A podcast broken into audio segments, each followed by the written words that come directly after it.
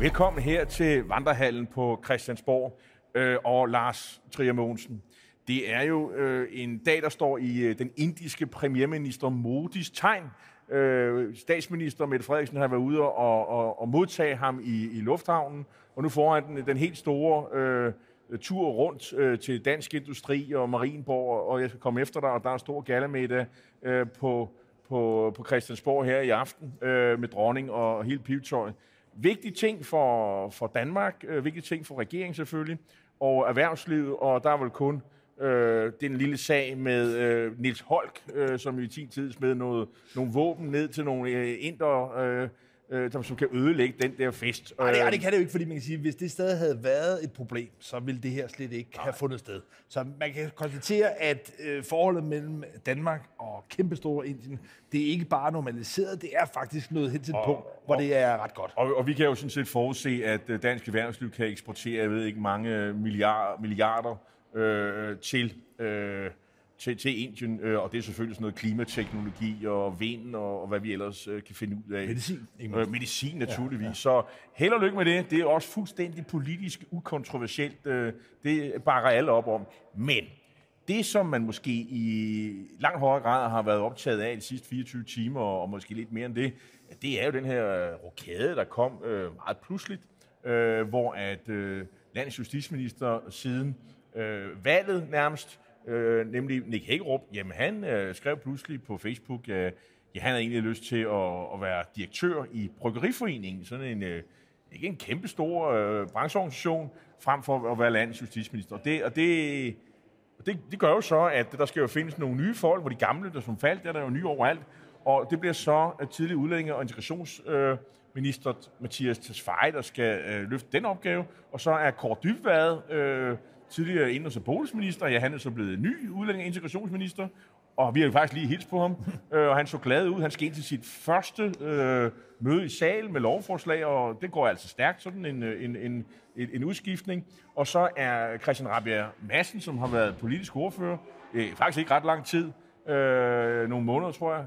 Han skal så være ny øh, indrigs- og boligminister efter Kåre Dybvad, som jo virkelig har været markant ja. på den post. Og på den måde er det sådan relativt driftssikkert. De her folk vil også kunne være blevet altså både landbrugsminister og uddannelsesminister osv. Det er ligesom drevne og ikke mindst lojale folk. Mm. Det, der kendetegner Mette Frederiksens regering, det er, at det er nogle folk, som er meget lojale over for Mette Frederiksen personligt, og som selvfølgelig meget let evner at læse op på de talepunkter, der nogle gange er. Så de kunne være især ligesom have fået en hvilken som helst ministerkasket, og det ville være kørt nogenlunde videre som business as usual. Så på den måde er det ikke noget, der nødvendigvis kommer til at sætte et stort politisk aftryk, og dog. Fordi jeg vil altså vurdere, at det her på en afgørende måde er en svækkelse af regeringen. Selvfølgelig er Nick Hækkerup ude. Det er en erfaren minister, han er ude. Men, men det er nogle gange vilkår. Nej, er, det, synes, er det det, der er svækkelsen? Nej, Ja, det er, det er det også. Han er jo en erfaren mand. Nej, nej, nej, indlysende. Nej, indlysende. Okay. Selvfølgelig er det et, et, et, et, altså, Men han vil jo hellere lave noget andet. Ja, ja. Og så, og, og... Ej, han, han har så valgt, kan man sige, at tage et meget, meget besynderligt karrierevalg. Altså, Bryggeriforeningen er måske en af de absolut mindste og mest ubetydelige øh, lobbyorganisationer, der er i Danmark. Men, men ham om det, der var tydeligvis nogle personlige øh, motiver til det. Lad det parkere det. Det er en svækkelse. Nej, jeg ser det mere, at den rokade, der har været, altså er en ideologisk svækkelse af side. Det, der kendetegner en kort dybvad, det er, at han formåede med en række bøger, ikke mindst den, der hedder Udkantsmyten, at bygge hele den her spørgsmål om centralisering op som en virkelig markant vindersag for Socialdemokratiet. Det var noget, han egenhændigt gjorde. Der er ikke nogen, der tidligere talte om øh, boligpolitik, politik. Det fik måde at bygge op. Nu rykkes han over til det andet område. På samme måde med Mathias Tesfaye. Han skrev også en interessant bog, Velkommen, Mustafa hed den, hvor han forsøgte ligesom at genskrive den socialdemokratiske fortælling om udlændingepolitik. Og havde den ret interessante pointe, som i hvert fald de købte i Socialdemokratiet, det var, at strammerlinjen i virkeligheden var noget, Socialdemokraterne selv havde fundet på ude på den københavnske Vestegn. Så de her to figurer særligt, Kort Dybvad og Mathias Tesfaye, de formåede altså at bygge nogle politiske projekter, fortællinger op, som virkelig har været en styrke for Socialdemokratiet. Nu flytter man dem rundt, og ja, jeg er enig i, at selvfølgelig kan de altså, sagtens passe deres nye øh, altså, ressortområde, men de kunne også have været alt muligt andet. Så jeg synes, det er en ideologisk svækkelse. Hjørnetænder, når man vil, for Socialdemokratiet trækkes ud i et valgår, og det, der kunne have været en meget stærk udlændingeminister, ja, det bliver nu en svækkelse, og så fremdeles. Så jeg synes på en eller anden måde, at det er mærkeligt, at Socialdemokratiet havde endelig fundet noget ideologisk skarphed, og kunne hjælpe mig, om man så ikke tager spydspidserne og bare flytter dem rundt, som om, at det ligesom bare var en eller anden øh, altså lille butik, hvor man på en eller anden måde kunne, kunne lave hvad som helst. Det er i hvert fald øh, din øh, teori, det er i hvert fald det, du ser. Det vil jeg prøve at udfordre en, en lille smule. Vi skal have lidt sjov blade her i, øh, i, i Borgen Late Night. Altså, man kan sige, øh, du har jo ret i, at, øh, at de her to, du nævner, de har jo nogle politiske projekter, men, men de er jo sådan set blevet annekteret af, af, af ikke bare den her regering, men også den forrige regering, altså dybvandsprojekt, altså det, det blev jo sådan set allerede sat i værk af, af, af den tidligere venstre regering, som jo begyndte at flytte, udflytte øh, offentlige arbejdspladser, øh, og, og, og, så, og der er jo ikke noget, der sådan tyder på, at, at man sådan ændrer kurs her, med mindre, at det måske netop er det, man gør, fordi at nogen mener, at Socialdemokratiet jo fik en ordentlig losing i de store byer, øh, hvor man jo også har haft en politik med at lukke uddannelsespladser øh, og flytte dem ud i provinsen. Øhm, øh, så det her er måske en kærkommen øh, anledning til at tage et opgør med det, men det er jo ikke sikkert. Øh, det, det bestemmer man jo i regeringen, og det er vel også en minister, som jo selv kan justere kursen. Nu tænker jeg på Christian Rabia øh, Madsen. Øh, med hensyn til Mathias Tesfaye, altså, du kalder det for en svækkelse. Altså, er det, er det, er det sådan, at du tror, at, at, at Kåre Dybvad, han sådan grundlæggende vil ændre det? Det tror jeg ikke. Øh, jeg tror, han vil fortsætte den der kurs. Det virker som om, det er en kurs, som også øh, øh statsministeren er enig i. Han taler om, at der måske skal tages et opgør med nogle, nogle dumme ting, nogle, nogle dumme regler. Det kan man jo gøre. Det vil også sikkert også være populært visse steder. Og, og, ja. og, og, og så bare for at sige, mm. at øh, jeg mener ikke, der kommer til at tage et, øh, et kæmpe stort opgør. Og så vil jeg også sige med hensyn til øh, Mathias Tesfaye, han har jo selv sagt, at han jo gerne vil lave noget andet. Altså den der ring, Gollums ring, øh, hvor man altså udlægger integrationsminister, det er et hårdt job, øh, og man er en hård mand, øh, og, og et venskab og så videre. Nu, han havde annonceret, at han gerne vil videre. Og så det giver, man, det så... giver ham måske noget lidt mere øh, livsglæde og gnist og arbejdsglæde ah, ah, ah, øh, ja. ved at få en endnu større opgave ja, det som kan du ikke selv, øh, justitsminister. Det kan du ikke selv tro på. Altså man kan sige, hvis han har beskrevet det at være udenrigsminister som at få øh, altså, ringenes herre på, den her herskerring, også? og det havde været ved at forkrøble ham fra at være det her lille venlige hobitvæsen, Smigol i Ringenes Herre, til at blive Gollum. Og han en måde for pint og plade. Det beskrev han selv, at han en måde ikke menneske... Så vil han jo gerne væk. Nej, er vi ikke enige, at han gerne vil væk? Jo, men han Nå. vil absolut det sidste sted, man vil hen, det er at få en yderligere helvedesring på fingeren og komme over i Justitsministeriet. Fordi det Nick Hækkerup jo brugte som begrundelse for at ville væk, det var, at han også var nedbrudt. Han kunne simpelthen ikke mere. Justitsministeriet Og det tror er, du på? Ja, jeg tror, jeg, jeg tror på, at det er et driftsministerium, mm. hvor der er bunker af øh, lovarbejde. Men, men så, så han drukner i det men, men så skal du fortælle mig, hvis det er sådan, at man er i politik, og man får en øh, opgave, som man faktisk har løst. Jeg tror, de, de fleste er enige om, at, at Mathias Tesfaye har løst den opgave ret godt. Der var så lige den der sag med Langelands øh, øh, øh, øh udflytningen, øh, som så var blev en total kiks og maveplasker, øh, og det måtte han ligesom vende på. Men bortset fra det, så vil, der, vil, der, vil der, de fleste være enige om, at det har en klaret udmærket. Når man har gjort det, så får man jo nye opgaver, så rykker man op. Alt andet lige er det her jo en oprykning. Jeg er da enig, det er en svær post, men hvad ligger der ud over det? Ja, der ligger statsministerposten, den får han ikke. Udenrigsministerposten, den er heller ikke øh, sådan, øh, øh, ligger ikke lige for. Og så er der øh, justitsministerposten. Og det, det, er, øh, det er den post, som, men, som, men som var ledig. Men jeg synes bare, at det, alle respekt, er en lidt gammeldags måde at tænke politik i. Det her med, der er et hierarki, så det er ligesom finere at blive rykket op, og det ligesom er, er ens evne til... Benægter du, der er et hierarki mellem nej, ministre? Nej, men jeg mener absolut ikke, at man kan sige, at en fuldstændig ekvilibristisk, en fyndig retoriker som Mathias Tesfaye, der virkelig har formået at forvandle udlændingepolitisk dagsorden for Søvntid, neutralisere det, at han er bedst brugt over i Justitsministeriet, som er det tørreste, der skal være det kedeligste. Så på den måde, altså hvis du sammenligner, det skal man altid passe lidt på med, nu gør det alligevel med fodbold. Det er jo ikke sådan så en Kasper Schmeichel, landsholdets målmand, som er en fantastisk målmand, at han nødvendigvis vil være en fremragende midtbanespiller. Og på samme måde tror jeg også Christian Eriksen eller Simon Kjær eller andre, hvis de kommer ind på målet. Så den her forestilling Det er godt, om... vi har nogle fodboldmetaforer, jo, vi kan men... forklare det for seerne her. Men, men jeg kan godt følge din pointe i, at det her kan være en post, hvor han måske ender med at, at knække hjør- hjørnetænerne, eller, eller falder igennem, eller måske ligesom Hækkerup øh, mister sin lyst til politik, og kommer tilbage og, og bliver mursvind. Det, det kan der være. det er. Men, men, men sagen, sagen er jo så, hvem skulle, have, skulle så have været på den post? Fordi, øh, var det Peter Hummelgaard, som du mente var den helt oplagte, Ja, i med fald, en altså- juraeksamen i, øh, i, i baghånden? Jeg synes, du taler det meget godt op. Altså det, Mathias Tesfaye, som for mig at se er det absolut største talent. Nu har jo ikke nogen årsung længere, så man, altså han er simpelthen bare en fantastisk dygtig politiker. Det han ligesom har ragt ud efter, for at komme af med den her øh, herskering, det var beskæftigelsesområdet. Det er det, han brænder for. Det er det, han beskriver, når han står op om morgenen. Så er det arbejdspolitisk øh, stof, han interesserer sig for. Hvis du havde rykket ham derover og havde taget en Peter Humgaard, der er jurauddannet, som kunne have taget samme tur som Mette Frederiksen selv. Hun kom også netop fra Beskæftigelsesministeriet over Justitsministeriet. Den karrierestige, selvfølgelig er der et hierarki, det havde været oplagt. Men jeg siger bare, man har valgt noget Men- andet, men- og man har valgt det ud fra sådan en nu- drift, drift men- at man ikke ligesom har haft, for mig at se, forståelsen for, hvor meget kant, hvor meget attitude det i virkeligheden har givet Socialdemokratiet, at man lige pludselig har haft en udenrigspolitik, eller udlændingepolitik, og man har haft en, en regionalpolitik. Og der er det bare, at man nu ligesom bare, synes jeg, er kommet ind i en sådan lidt mere, måske slidt, øh, doven tankegang om, at man bare skal drifte. Altså kun tre år inden i den her regering, der virker de allerede til, allerede til at være brændt lidt øh, tør for idéer, og i hvert fald ikke rigtig ture tro på nogle af de vindersager, de har. Men altså, alt andet lige, så kan man jo sige, at, øh, at Mathias Tesfaye bliver jo testet nu. Løser han den her opgave, så kunne han vel deltage i det, nogen vil sige, øh, øh race, vedløb, der er imellem finansminister Nikolaj Vammen, øh, øh, Hummelgaard, øh, og så og så måske Tesfaye, der kunne overtage efter øh, Mette Frederiksen. Altså, hvis han løser den her opgave, der, som bliver øh, svær, øh, køber du den øh, Nej, analyse? nej, det gør jeg ikke, fordi man kan sige, det, det er sådan en opfattelse af, at det ligesom er en, en lille øh, butik, der skal administreres. Så, så er jeg da enig i, hvis det er et spørgsmål om at teste folk på nogle, øh, hvis det var en, var virksomhed, så kan jeg godt forstå den her logik.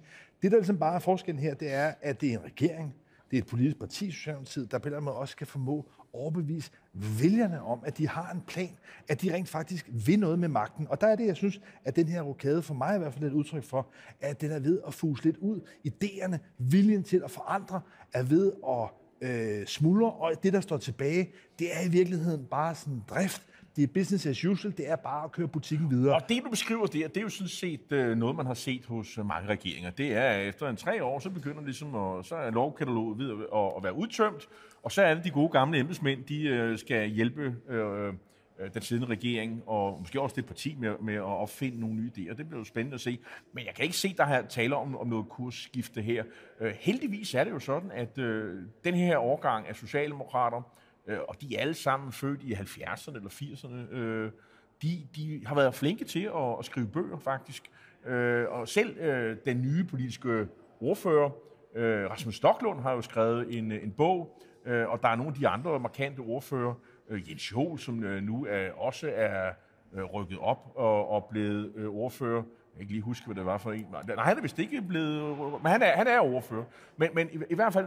Og så er der alle de ministerne. De er stort set alle sammen. Dan Jørgensen, Hummelgaard. De er alle sammen skrevet bøger. Øh, så kan man kigge over på oppositionen. Det, der er godt nok ikke ret mange, der har skrevet bøger. Det, Og det begynder at presse på, fordi det der, altså Mathias Tesfaye som og, og, og Kåre Dybvad og Peter Hummelgaard som de tre bedste eksempler. Det, de formåede at bruge den sidste oppositionsperiode til, da Socialdemokratiet som havde mistet magten efter valget i 15, frem mod valget i 19, ja, så fik de altså skrevet de her bøger, hvor de fik, kan man sige, altså i virkeligheden tænkt nogle store samfundsproblemer igennem, og kom også frem med nogle løsninger, som har gjort også, da de så rent faktisk fik magten i 19 og med regeringsførelsen, at de har haft noget at fylde på, at de har haft noget at stå imod embedsværket. og- Og der er det altså, det undrer mig helt fundamentalt, når man kigger ud over det blå politiske landskab, at der ikke er nogen af dem, der har brugt de sidste tre år på at tænke så meget som en enkelt original. Og jeg skal ikke sidde her og påstå, at jeg har læst samtlige værker af socialdemokratiske folketingsmedlemmer, øh, og de har begået. Men det er sådan set heller ikke pointen, fordi når de skriver bøger, så er det interessant, at at de bliver sådan set læst af embedsværket. Øh, der kan embedsværket se, hvad de mener, og deraf kan de jo sådan set formulere politik, som fuldstændig matcher de her politikere. Og når man forsømmer det i den nye, nuværende opposition, så bliver det jo sværere at finde ud af, hvad mener man i Venstre hos de konservative? Hvad vil de egentlig, Men hvis jeg de får magten? Men indvirkningen synes jeg ikke kun, og den, det er rigtigt, det er noget, der på en eller anden måde virkelig masseres ind i politikken, når man får regeringsmagten, når embedsværket på en eller anden måde har en eller anden form for søkort at navigere efter, som politikere til at skrevet. Men der, hvor det afgørende er, det er i virkeligheden, at politikerne selv er i stand til, når der sker aktuelle hændelser, at skrive det ind i en fortælling, en idé, give det en retning. Altså kunne forklare folk, hvad er det, der er årsag og virkning? Hvad er der op og ned? Hvad er stort og småt? Nogle af de ting, som på en eller anden måde er nogle helt fundamentale ingredienser i en politisk fortælling, det har de ligesom forberedt. De er klar til at møde de ting, der sker. Og der er det altså mærkeligt med de borgerlige politikere, at, at jeg er med på, at man godt i dag kan forestille sig, at man kan kommunikere via andet end en gammeldags øh, debatbøger, så må man finde noget andet. Og jeg synes, det virker meget, meget jordstrygende, hvad vi ser for de blå. Men, men Lars, øh, nu har vi jo været hurtige til at skrive øh, Hækkerups øh, nekrolog. Øh, politiske nekrolog skal vi jo nok lige øh, indføje. Øh, og der er jo nogen, der mener, at øh, han er simpelthen øh, stukket af for regningen. Der kommer en politisk regning nu på grund af FE-sagen øh, på grund af minkskandalen, og der kommer jo øh, minkkommissionen, den kommer her i juni, juli, hvornår, et eller andet med, med, med sin konklusion, og der kan jo stå ting, hvor man kan komme efter Hækkerup. Øh, øh ser du det som øh, grunden til, at han er stukket af og, og har fundet det her job i, i Bryggeriforeningen, eller, eller hvordan læser du det? Altså, hvis vi starter med selve beslutningen, altså det er virkelig besynderligt, at en mand i sin bedste alder, 54 år, politisk erfaren, centralt placeret, øh, vældigt øh, som justitsminister, at han vælger at gå over i en så fuldstændig pæfær ligegyldig øh, lobbyorganisation som Bryggeriforeningen. Altså der kan man sige, hvis han på en eller anden måde havde haft et ønske om at ville noget andet, så ville der være hundredvis af mere interessante men, men, men, øh, men, det, var så det, det var jo så det job, der var ledigt. Det var slået oh, men, op. Men, men det er jo meget desperat. Og, det er jo, jo, meget... men, men der er jo ingen, der siger, at han skal blive der til evig tid. Øh, altså, det er vellønnet job, oh, øh, og der kan man ligesom trække vejret. Han har, han har haft nogle hårde arbejdsår. Det tror jeg, de fleste er enige om. Øh, men, men, du taler det der job ned som, som fuldstændig ligegyldigt. Jamen, jeg siger, Lønnen er vel også okay. Arbejdstiderne er nogle andre end dem, han har haft som justitsminister. Jeg, jeg kan godt forstå, hvis man øh, som single, som egentlig øh, lidt desperat en sen nattetime på en bar, øh, finder sammen med øh, en klokken 4 om natten. Man behøver ikke blive gift med hende. Og det er, altså, synes jeg, en meget, meget mærkelig beslutning for øh, Nick Hækkerup at vælge det her job. Jeg kan godt se øh, fidusen med det, og, og slippe for hele det her cirkus, øh, have en god løn og, og nogle arbejdstider, der, der måske mere kom, øh, komfortabel i forhold til med et, et, et familieliv. Jo, så øh, han har børn der er i skolealderen og sådan så det, det, det var så i givet fald en beslutning, han skal have truffet for 20 år siden. Altså, det virker meget mærkeligt. Og han nåede klimaks, og så lige pludselig finde ud af, at Lars Trier øh, øh, Mogensen er en hård mand. Øh, det er han simpelthen. Men, men, men, men, men bare, pointen her er, at det skaber selvfølgelig en undren en sund undren, synes hvad pokker er det, der sker for den her mand? Hvordan træffer han den her fuldstændig desperado-handling? Og der er det så, at de her tråde nede fra dybet på en eller anden måde øh, kommer op, både med FE-sagen og med minkskandalen. Og der må jeg bare sige, at der er der altså nogle, nogle faktuelle ting omkring det her, som jeg synes på en eller anden måde afmonterer det en lille smule. Hvis vi starter med Mink-sagen, hvor Justitsministeriet, som han jo ligesom formelt var ansvarlig for, rent faktisk overtog kontrollen med Mink. Og jeg tror, når øh, beretningen kommer, så vil der være en, et skarpt øje på Justitsministeriets rolle. Men Nick Hækkerup havde et alibi. Han var syg. Han havde simpelthen corona. Han lå med feber. Han var ikke med på det her videolink den 3. november 2020, da man træffede beslutningen. Han var heller ikke med på alle mailkorrespondancerne. Så han har faktisk et alibi. Det var ikke Nick Hækkerup, der træffede den her beslutning. Og jeg synes heller ikke, at øh, de afhøringer, der har været i, øh, i min kommission, tyder på, at... Øh, at der kommer til at stå noget hæftig kritik af, af ham, som gør, at man kan komme efter og snakke rigsretssag og alt muligt andet. Så det, det kan godt være, der kommer lidt kritik, men det er ligegyldigt, fordi men, han er jo ikke øh, øh, minister længere. Men så tager vi FE-sagen. Der kan man sige, der er det umiddelbart noget mere tricky, også for Nick Hækkerup. Fordi vi har en situation, hvor han jo har erkendt, at han har været orienteret om, at man har rejst sigtelser mod både tidligere forsvarsminister Claus Hjort Frederiksen og tidligere FE-chef øh, Lars Finsen. Han har været orienteret om det, men hævder hårdnakket, at han ikke har blandet sig. Det er det, som flere fra oppositionen, ikke mindst nogle af Claus Hjorts håndgangende mænd, så siger, ah, Nick Hækkerup, han har nok blandet sig, han har nok forsøgt politisk at bruge sin magt til at intimidere en øh, oppositionsleder, om man vil. Men, men... Han er jo landets højeste anklagemyndighed. Ja, men det der lidt... Ja, præcis. Så det der ligesom er det lidt, synes jeg, sparet det her, det er, at han har faktisk beføjelser, han skulle orientere sig om det, og det er i sidste instans også ham, der rent faktisk ville skulle rejse tiltale mod de her folk. Så det er jo ikke juridisk set i hvert fald noget problem, hvis han har været mere end bare orienteret, hvis han også har blandet sig. Så, så jeg kan ikke se for mig, altså sådan rent øh, formelt, at han skulle kunne få et problem. Men det er klart, at selvfølgelig, hvis det viser sig, og, at der kommer korrespondencer, der tyder på, at han ligesom har været en drivende kraft, og, så kan det give et problem. Og man kan jo sige, det, er jo ikke, det bliver jo så ikke hans opgave at, at, at sige, at nu skal der rejses tiltale mod Claus Shore. Det, ender, det, den, det, er, jo, det er jo Mathias Tesfaye, der skal gøre det i sidste ende. Der er jo rejst uh, tiltale mod, uh, mod, mod Finsen. Den, den, den, den, den sag kører jo, uh, har man jo indtryk af, eller det gør den. Uh, så, så det er jo... Uh, og det, og det er jo mere Claus Hjort-sagen, som er det kontroversielle. Og vi ved allerede nu, at enkelheden, det får vi aldrig noget at vide om. Så også her er han ved Lacroix.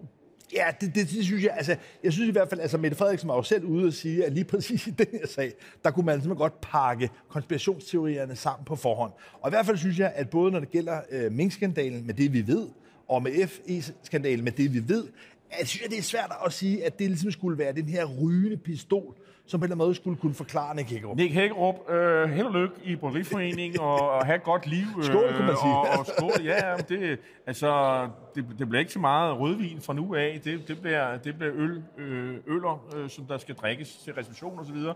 Men, Lars, øh, nu har de lavet rokade, nu har de sat holdet frem mod valget, og, og nu kan vi allerede høre på blandt andet vores kollega i Bedserviserne, Hans Engel, at øh, det trækker måske op til et efterårsvalg, og, og nu skal vi være søde ved Hans, fordi han er faktisk ikke den eneste af, af vores kolleger øh, og andre jagttager, som mener, at øh, det kunne godt være, at, øh, at Mette Frederiksen føler sig fristet af og, og et, et, et, øh, et valg her til efteråret, fordi vi går ind i en økonomisk øh, øh nedgangsperiode med høj inflation, med lavere vækst på grund af prisstigninger, på grund af det, der sker i Ukraine, men også det, der sker i USA og i verdensøkonomien generelt, øh, hvor der er jo er problemer med at forsyne øh, de forskellige. Der er en forsyningskrise simpelthen på grund af mikrochips og alt muligt andet. Så øh, kunne hun være fristet af at sige, at vi tager det valg, mens vi lige har... Nu har vi delt en masse gaver ud, det kommer man jo til nu her, pensionister og andre. Øh, så skynder vi at, at give dem de her øh, øh, ting øh, i god tid, inden at de kan mærke det, fordi øh, inflationen den vil måske vokse, og, øh, og så vil de, de her milde gaver, de vil blive spist op af inflation, så lad os skynde os og, og, og komme med det valg, Øh, og det kan vi godt tillade os, fordi der er sket så meget, øh, mange forskellige ting, i, ikke bare i dansk politik, men også i international politik.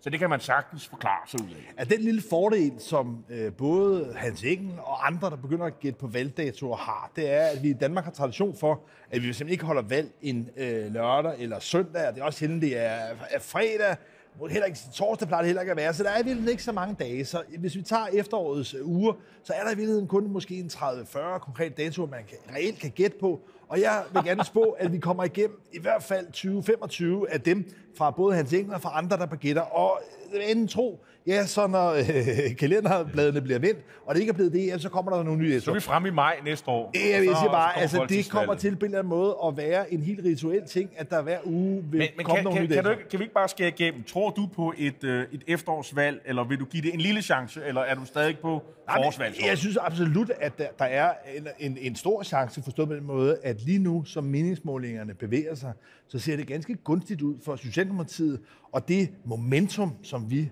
taler om ofte, som det borgerlige havde, ja, det ser ud til at være klinget af. Og det er klart, at hvis vi kommer ind i en efterårssæson, hvor Socialdemokratiet står til at kunne genvinde regeringsmagten, så er det klart, at så vil Mette Frederiksen da være meget tilskyndet. Altså lige så snart, at man sidder over i statsministeriet og vurderer, nu er den der, nu kan vi vinde valget, så kommer der valg tre uger senere. Så det er noget, vi må vente og se, og det er klart, at som du er inde på, hele den her økonomiske situation kommer nu til at spille meget ind. Man har øh, nu sidder og forhandler om de her forskellige pakker. De penge vil hurtigt være øh, slugt af prisstigninger og andre ting. Så det er klart, at, at, at, at der kommer et tidspres, og også overraskelseseffekten jo tidligere Mette Frederiksen gør det, jo, jo, jo, jo, jo bedre er det for hende. Og der er også nogen, der peger på, at der er overenskomstforhandlinger i det off, på det offentlige område øh, efter jul og så videre øh, i starten af nye år, så måske man skulle have valget før det. Øh... Jamen, jeg, jeg, jeg, jeg siger slet ikke, at det er, øh, er udelukket, øh, men det er bare ikke jeg, en beslutning, der er truffet nu. Det, altså. Selvfølgelig er der ikke det. Øh, jeg er nok på det hold, der, der, der godt kan se ideen i at holde et, øh, et valg i øh, måske i oktober, måske i september, øh, i efteråret. Øh, og hvis ikke det bliver der, så tror jeg, at man skubber det øh, til øh, efter de der overenskomstforhandlinger. Det vil sige, så er vi inde i april-maj. Det vil sige, hun har måske i virkeligheden måske to-tre muligheder her i september, måske i, øh, i, øh, i oktober-november, og så øh, i helt til, øh, helt, og så kører helt igennem. Men det kommer altså ud over de økonomiske nøgletal, hele temperaturen på dansk økonomi, i høj grad også til at handle om den her beretning, der kommer fra Mink-kommissionen. Hvis de borgerlige partier får skyds der, ja, så er det noget, der på en eller anden måde forrykker billedet, men det finder vi ud af, men, kan man sige, i løbet af få men, uger. Men det ved vi jo allerede i, øh, i juni, juli. Øh, ja, men så, så der, er, øh, der har de jo sådan set... Øh, og, og der kommer ikke noget valg inden da, det ved Ej, det, det er er jo helt klart om. Det var, hvad vi valgte at tale om og bringe her øh, øh, fra Vandrehallen på Christiansborg. Tak fordi I så med. Øh, vi er tilbage igen næste tirsdag.